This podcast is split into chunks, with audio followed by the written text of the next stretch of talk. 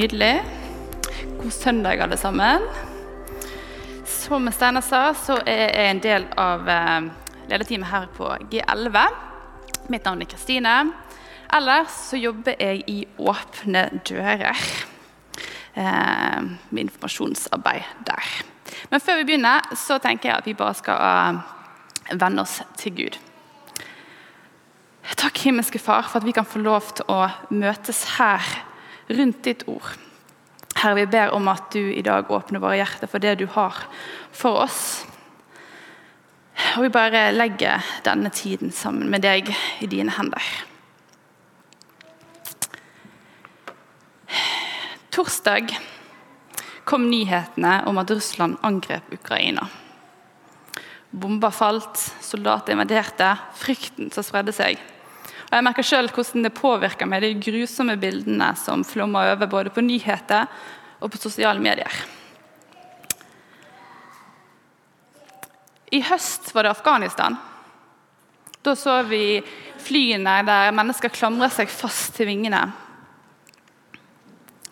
Frykten for å bli værende var så stor at de tok den risikoen. Så har vi pandemien. Pandemien har satt enorme preg både her i landet og utenfor våre grenser. Den har preget oss både fysisk, mentalt og åndelig. Samtidig så hørte vi 'alt blir bra'. Det sto skrevet flere plasser rundt oss. En liten trøst om at ja, det er vanskelig nå, men det blir bedre seinere. Men blir alt bra? Det er ikke alltid det føles sånn. I hvert fall Når vi ser på nyheten, sånn som Ukraina, så føles det ikke som om ting skal bli bra. Så hvor finner vi da håpet? Hvor er Gud midt oppi alt dette? Ser jeg at jeg har glemt å skjeve bort her. Sånn. Ja, hvordan forholder vi oss til Gud med alt vi opplever, når vi føler oss omringa av urett, smerte, ja, og generelt utfordring og motgang. Gamletestamentet er fullt av historier av mennesker. Og En av de tingene som jeg setter enorm pris på når jeg leser Gamletestamentet, er hvor autentisk disse historiene føles. For det handler om uperfekte mennesker. Uperfekte mennesker som snubler og faller. Det handler om eh, mennesker opplever smerte og lidelse Kanskje ikke alltid pga. sine egne valg, men også pga. andre sine valg. Altså den konsekvensen av frie viljen. Og igjen så virker jo ting ganske håpløst. Men når vi ser på disse historiene og ser forbi menneskene, så kan vi møte Gud. Og Det er det jeg har lyst til vi skal gjøre i dag. Vi skal se på en historie om en kvinne, og vi skal lete etter Gud i denne historien. Vi skal høre om en kvinne som opplevde utrolig mye smerte. En kvinne som opplevde at hun ble marginalisert, som var langt ned på rangstigen, både som kvinne og som slave. En kvinne som var fanga både i sine egne dårlige valg, men kanskje aller mest fanga i andre menneskers dårlige valg. Hagar Sara sin slavekvinne er en kvinne som jeg hørte veldig lite om da jeg var liten, men som har hatt en stor betydning for meg når jeg ble eldre. Og Hennes historie den er tøff å lese. Det er en historie som eh, fortsetter å kjempe i meg fordi det er så mye vondt og mye som føles urettferdig. Og Det er en historie som vi må huske på konteksten av det som, hvor tid dette skjedde. Så hvem var Hagar?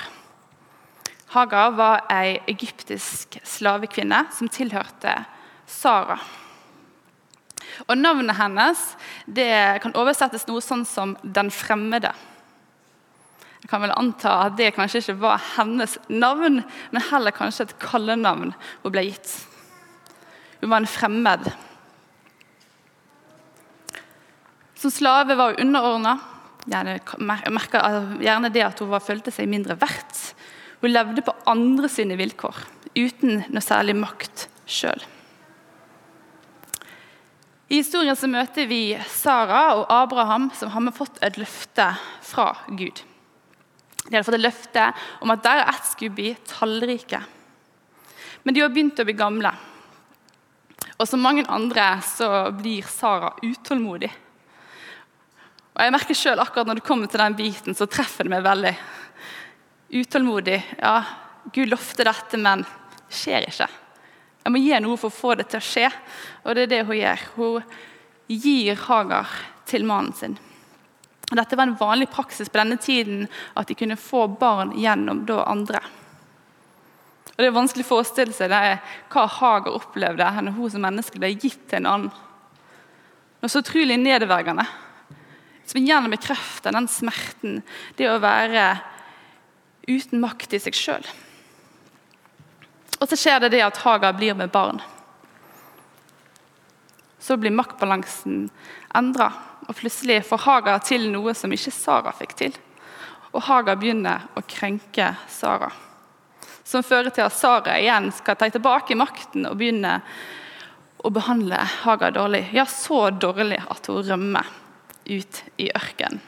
Og Det er der vi møter henne i teksten vi skal se på i dag. I 1. Mosebok 16, 7-13, der står det Herrens engel fant henne ved en vannkilde i ørkenen, ved kilden på veien til Sjur. Han sa, Hagar, Saris slavekvinne, hvor kommer du fra, og hvor går du hen? Hun svarte, jeg rømmer fra Sari, husfruen min. Og Herrens engel sa til henne, vend tilbake til husfruen din og la deg ydmyke under hennes hånd. Og Herrens engel sa, stor vil jeg gjøre din ett, så stor at den ikke kan telles. Så sa Herrens engel til henne, se, du er med barn, og du skal føde en sønn, og du skal gi ham navnet Ishmael. For Herren har hørt at du blir ydmyket. Han skal bli et villeset av en menneske, hans hånd skal være vendt mot alle, og alle hans hånd mot ham. Rett imot alle sine slektninger skal han slå seg ned. Da satte hun navnet på Herren som talte til henne. Du er en Gud som ser meg. Det første vi møter i denne teksten, er Herrens engel. Hvem er denne karakteren som møter Hagar midt i ørkenen? Herrens engel som vi betegner her, er en karakter som er veldig kompleks og vanskelig å fastsette.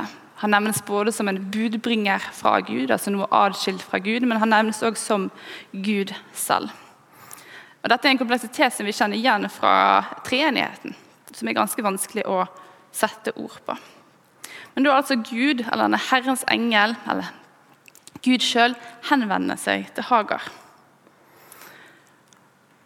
Og Det er ganske tydelig at Gud vet hvem Hagar er. Han sier Hagar, Saris slavekvinne, hvor kommer du fra? Hvor går du hen? Ganske tydelig at Han, han vet veldig godt hvor hun kommer fra, og han vet hvor hun går hen. Men en av de tingene Hagar ikke svarer på, er faktisk hvor hun skal hen. Og Det er en veldig viktig del av fortellingen. For Det er lett å tenke det at Hagar har rømt for noe så grusomt og noe så vanskelig. Selvfølgelig skal hun rømme. Selvfølgelig skal hun prøve å finne noe bedre. Men Hagar var ei kvinne som var gravid, som var ubeskytta, som var ute i ørkenen helt alene. Sannsynligheten for at hun kom til å overleve, var ganske liten.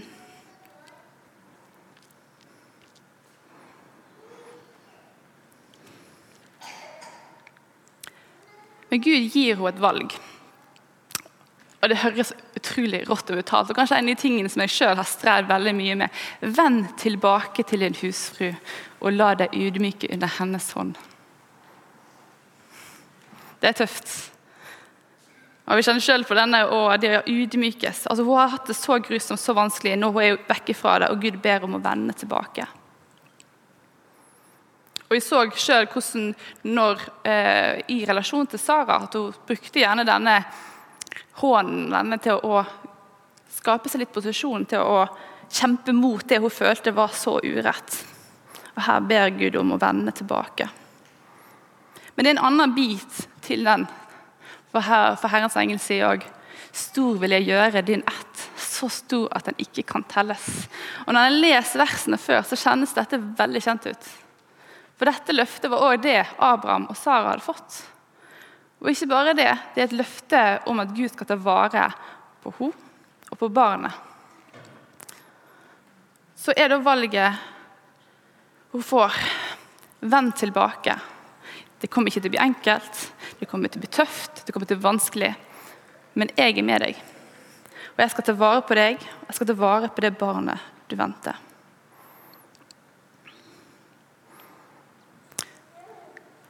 Helt på slutten så ser vi det at Gud, at Hagar gir Gud et navn. Du er en Gud som ser meg. Hun som var den fremmede. Hun hadde blitt sett av en allmektig Gud. Tenk hvor sterk det måtte vært. En som følte seg gjerne usynlig, følte seg tilsidesatt, ikke hadde noe makt. Hadde blitt sett av Gud. Han hadde møtt henne i mørket. Men han hadde ikke gitt henne en enkel løsning. Nei, han hadde gitt henne en vanskelig vei, men med et løfte om en framtid.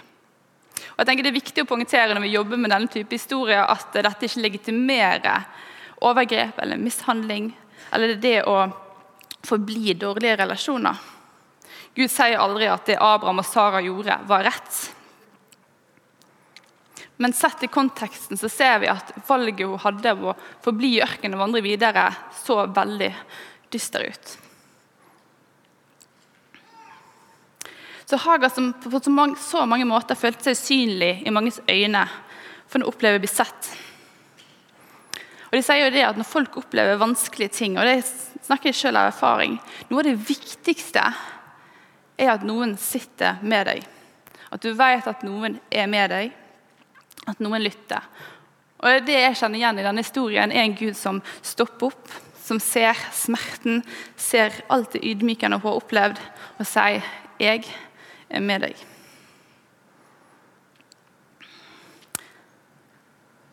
Så hva skjer videre?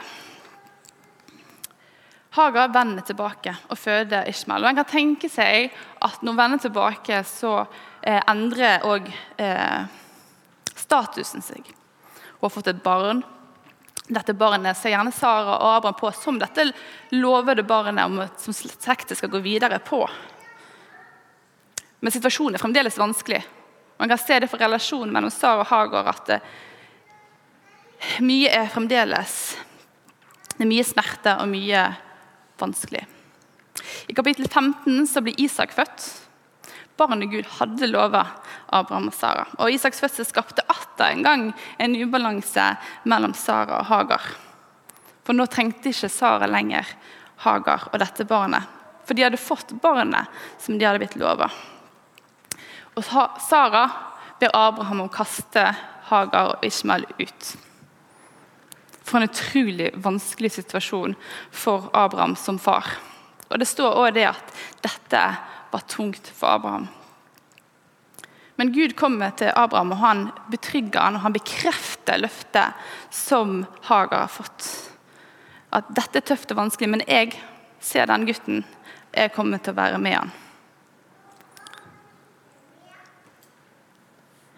Jeg skal lese fra 1. Mosebok 21, 14-21. og Der står det Abraham sto tidlig opp neste morgen og tok brød og en skinnsekk med vann og la det på Hagas skuldre og sendte henne fra seg med barnet. Hun gikk seg vill i ørkenen ved beskjeva. Da vannet i skinnsekken tok slutt, la hun barnet fra seg sånn bak der, da. fra seg bak en av buskene. skal jeg si da. Så gikk hun og satte seg omtrent en bueskudd lenger borte, for hun tenkte jeg kan ikke se på at barnet dør. Mens han satt der, hun, begynte hun å gråte høyt. Gud hørte Guds stemme, og Guds engel ropte til Hagar fra himmelen og sa til henne.: Hva er det med deg, Hagar? Vær ikke redd, for Gud har hørt guttens stemme der han ligger. Reis deg, løft gutten opp og hold ham fast i hånden, for jeg vil gjøre ham til et stort folkeslag. Så åpnet Gud øynene hennes, så hun fikk se en brønn med vann. Hun gikk og fylte opp skinnsekken med vann og lot gutten drikke. Gud var med gutten, og han vokste opp. Og Han bodde i ørkenen og ble bueskytter, og han bodde i Paranørkenen. Og hans mor tok en kone til ham fra Egypt. Jeg lurer på hva Hagar tenkte når Abraham kasta henne ut. Gud som hadde lovt at han skulle ta vare på henne og barnet. Kanskje hadde du begynt å tenke at eh, Ishman faktisk var det lovede barnet som Abraham og Sara hadde fått, og hadde begynt å bygge en fremtid sammen med de. Kanskje hadde begynt å forsone seg med den situasjonen som var der, og påminne seg om at Gud var med. Men igjen så sto alene i ørkenen, og denne gangen hadde hun med seg et barn. Og Det er ikke vanskelig å forestille seg den fortvilelsen det må være å stå helt på bar bakke atter en gang. Hvordan kunne det skje? Alt rundt henne tilsa at hun og barnet kom til å dø. Altså Hennes omstendigheter hadde gått fra vondt til så mye verre. Men igjen så ser vi at Herrens engel, eller den skikkelsen, Guds selv, kommer og sier 'vær ikke redd'. Gud kommer for å minne Hagar på at løftet det er der fremdeles. Litt lenger ned så står det at så åpnet Gud øynene hennes. Hagar hadde gått tom for vann og var redd for at barnet skulle dø. Men vannet var der hele tida.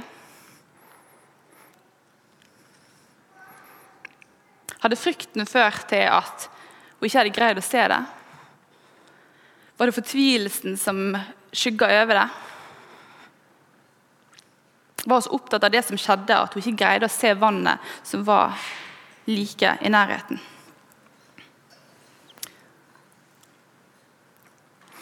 Men så kommer altså Gud for å møte Hagar. For å minne på det løftet som fremdeles står ved like, selv om kanskje ikke tingene hadde blitt akkurat sånn som hun hadde tenkt. Gud var fremdeles med. Og løftet om en framtid, det sto ved lag. Så står det ikke mer om Hagars historie i Bibelen. Mens ut fra det vi har sett allerede nå, så er det ganske tydelig på at Gud holder sin hånd over både hun og Ishmael. Gud er med til tross for og midt i avvisning, smerte og lidelse. Og Kanskje fikk Hagar den friheten og søkte etter, men kanskje ikke akkurat sånn som hun hadde tenkt. Så hva var det Hagar opplevde? Jo, hun opplevde å føde et barn som hun selv ikke hadde valgt. Hun opplevde å være en del av en plan, en dårlig plan, men som Gud forvandla til store velsignelser. Hun opplevde å gå tilbake til en nedverdigende vanskelig situasjon. Hun opplevde å bli avvist. Og på en veldig brutal måte så lærte hun å stole på Guds løfte om en lysere framtid. Ja, I det store hele så kan Hagars omstendighet og liv se ganske brutale ut. Og Det er tungt å lese om hvordan disse nedverdigende forhold er en stor del av hennes liv. At hun så lenge måtte leve under andre sine vilkår. Men Gud så Hagar, midt i all smerten og all motstanden. Gud så hennes feil, for Hagar var på ingen måte et perfekt menneske. Hagar hadde bitterhet i hjertet. En ser det i relasjon til Sara. Og det påvirker både hennes ord og hennes gjerninger. Gud så Hagars frustrasjoner med å være maktesløs, med å bli misbrukt. Han så frykten hennes, som drev henne til å flykte. Men han så òg Hagars familie og framtid. Det at hun skulle få en sønn og hun skulle bli en stor nasjon. Hagar opplevde å bli sett av Gud i all sin sårbarhet, i sin bitterhet, i rettferdigheten i livet. Men gjennom møtet med Gud så fikk hun oppleve at hun var sett og elska. Dette møtet med Gud det forvandla hele livet, alle perspektiver. Hun gikk fra å være alene, usynlig, ingen som brydde seg om henne. En tenkte mer på seg sjøl enn på Hagar som en slave. Men her var det en mektig Gud som møtte henne ikke bare én gang, men to ganger. For å si at jeg har framtidsplaner for deg. Jeg er med deg midt i alt det vanskelige. Ja, Hun gikk for å være en fremmed til å bli møtt av Gud. Og kanskje det viktigste han fikk henne til å løfte blikket forbi sine omstendigheter. Hva gjør jeg når mine omstendigheter svikter? Hvor henvender jeg meg når jeg møter motgang, urett og smerte? Hvor finner jeg min verdi? Leter jeg i omstendighetene, eller vender jeg meg til Gud? Som jeg tidligere jeg jobber for Åpne dører, og der eh, jobber jeg med historier fra Den forfulgte kirke så å si hver dag. Og det er ei kvinne som har berørt meg ekstra mye. Dette er Ester fra Nigeria og hennes lille datter Rebekka. Ester er i 20-årene. Og For en del år tilbake så ble hun kidnappa av Boko Haram, en ekstremistgruppe som herjer i Nigeria. Hun opplevde å bli voldtatt så mange ganger av så mange menn at hun ikke, kan, ikke ble tallet på det. Men hun greide å rømme. Men da var hun allerede gravid i syvende måned. Og I sin fortvilelse så tenkte hun Kommer jeg noensinne til å elske dette barnet? Jeg vet ikke engang hvem faren er. Og Ester sine omstendigheter var mot henne.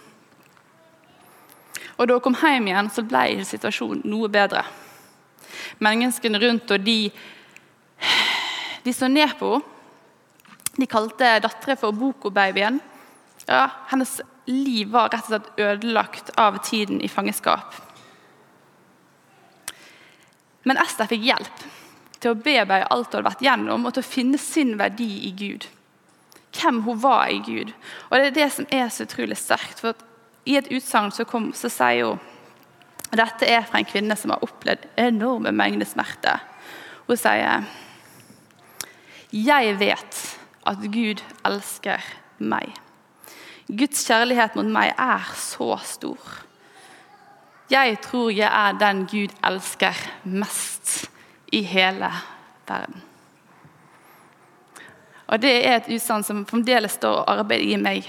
For en opplevelse å kjenne på den enorme kjærligheten når du har opplevd så mye urett mot deg. Og På samme måte som at Hagar har fått et løfte å se fram til, så har vi òg fått et løfte. Et løfte for alle de som tror på Jesus, som et evig liv sammen med han. Vi er ikke lova et liv uten motgang eller smerte, men vi lover at han er med. I Johannes 3, 16 så står det For så høyt har Gud elsket verden at han ga sin sønn, sønn den enbårne, for hver den som tror på han ikke skal gå fortapt, men har evig liv. Så ja, alt går bra for de som tror på Jesus, hvis vi løfter blikket. Og Av og til kjenner jeg for min egen del at jeg blir for opptatt av omstendighetene rundt meg framfor å se til Gud og de løftene Han har gitt oss inn i hverdagen. Og Nå har vi både bedt for Ukraina, vi har gitt Ukraina og vi har nevnt det. og Bare minne på at denne guden som så Hagar i ørkenen, han er like virksom i dag. Og ja, Gud er til stede i både Ukraina og i Afghanistan.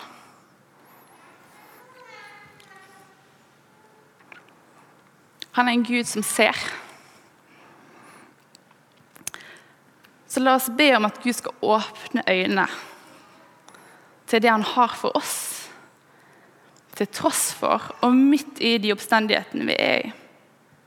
La oss be om at han skal hjelpe oss til å løfte blikket.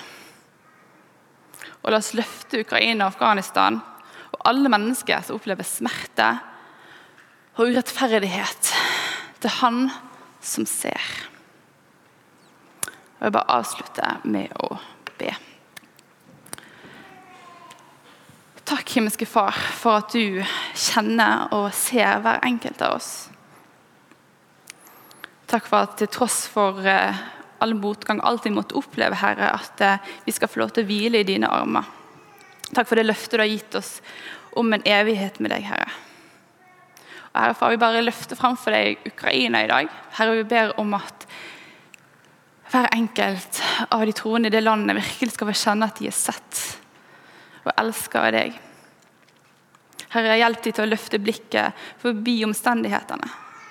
Herre, hjelp dem til å bli fylt av deg midt når alt raser utenfor. Herre, la de få lov til å stå stødige på det løftet du har gitt. Og Herre, jeg ber om at eh, de skal få lov til å være vitne og en kontrast midt i all den smerten. At de skal få være et gjenspeil av din kjærlighet. I Jesu navn.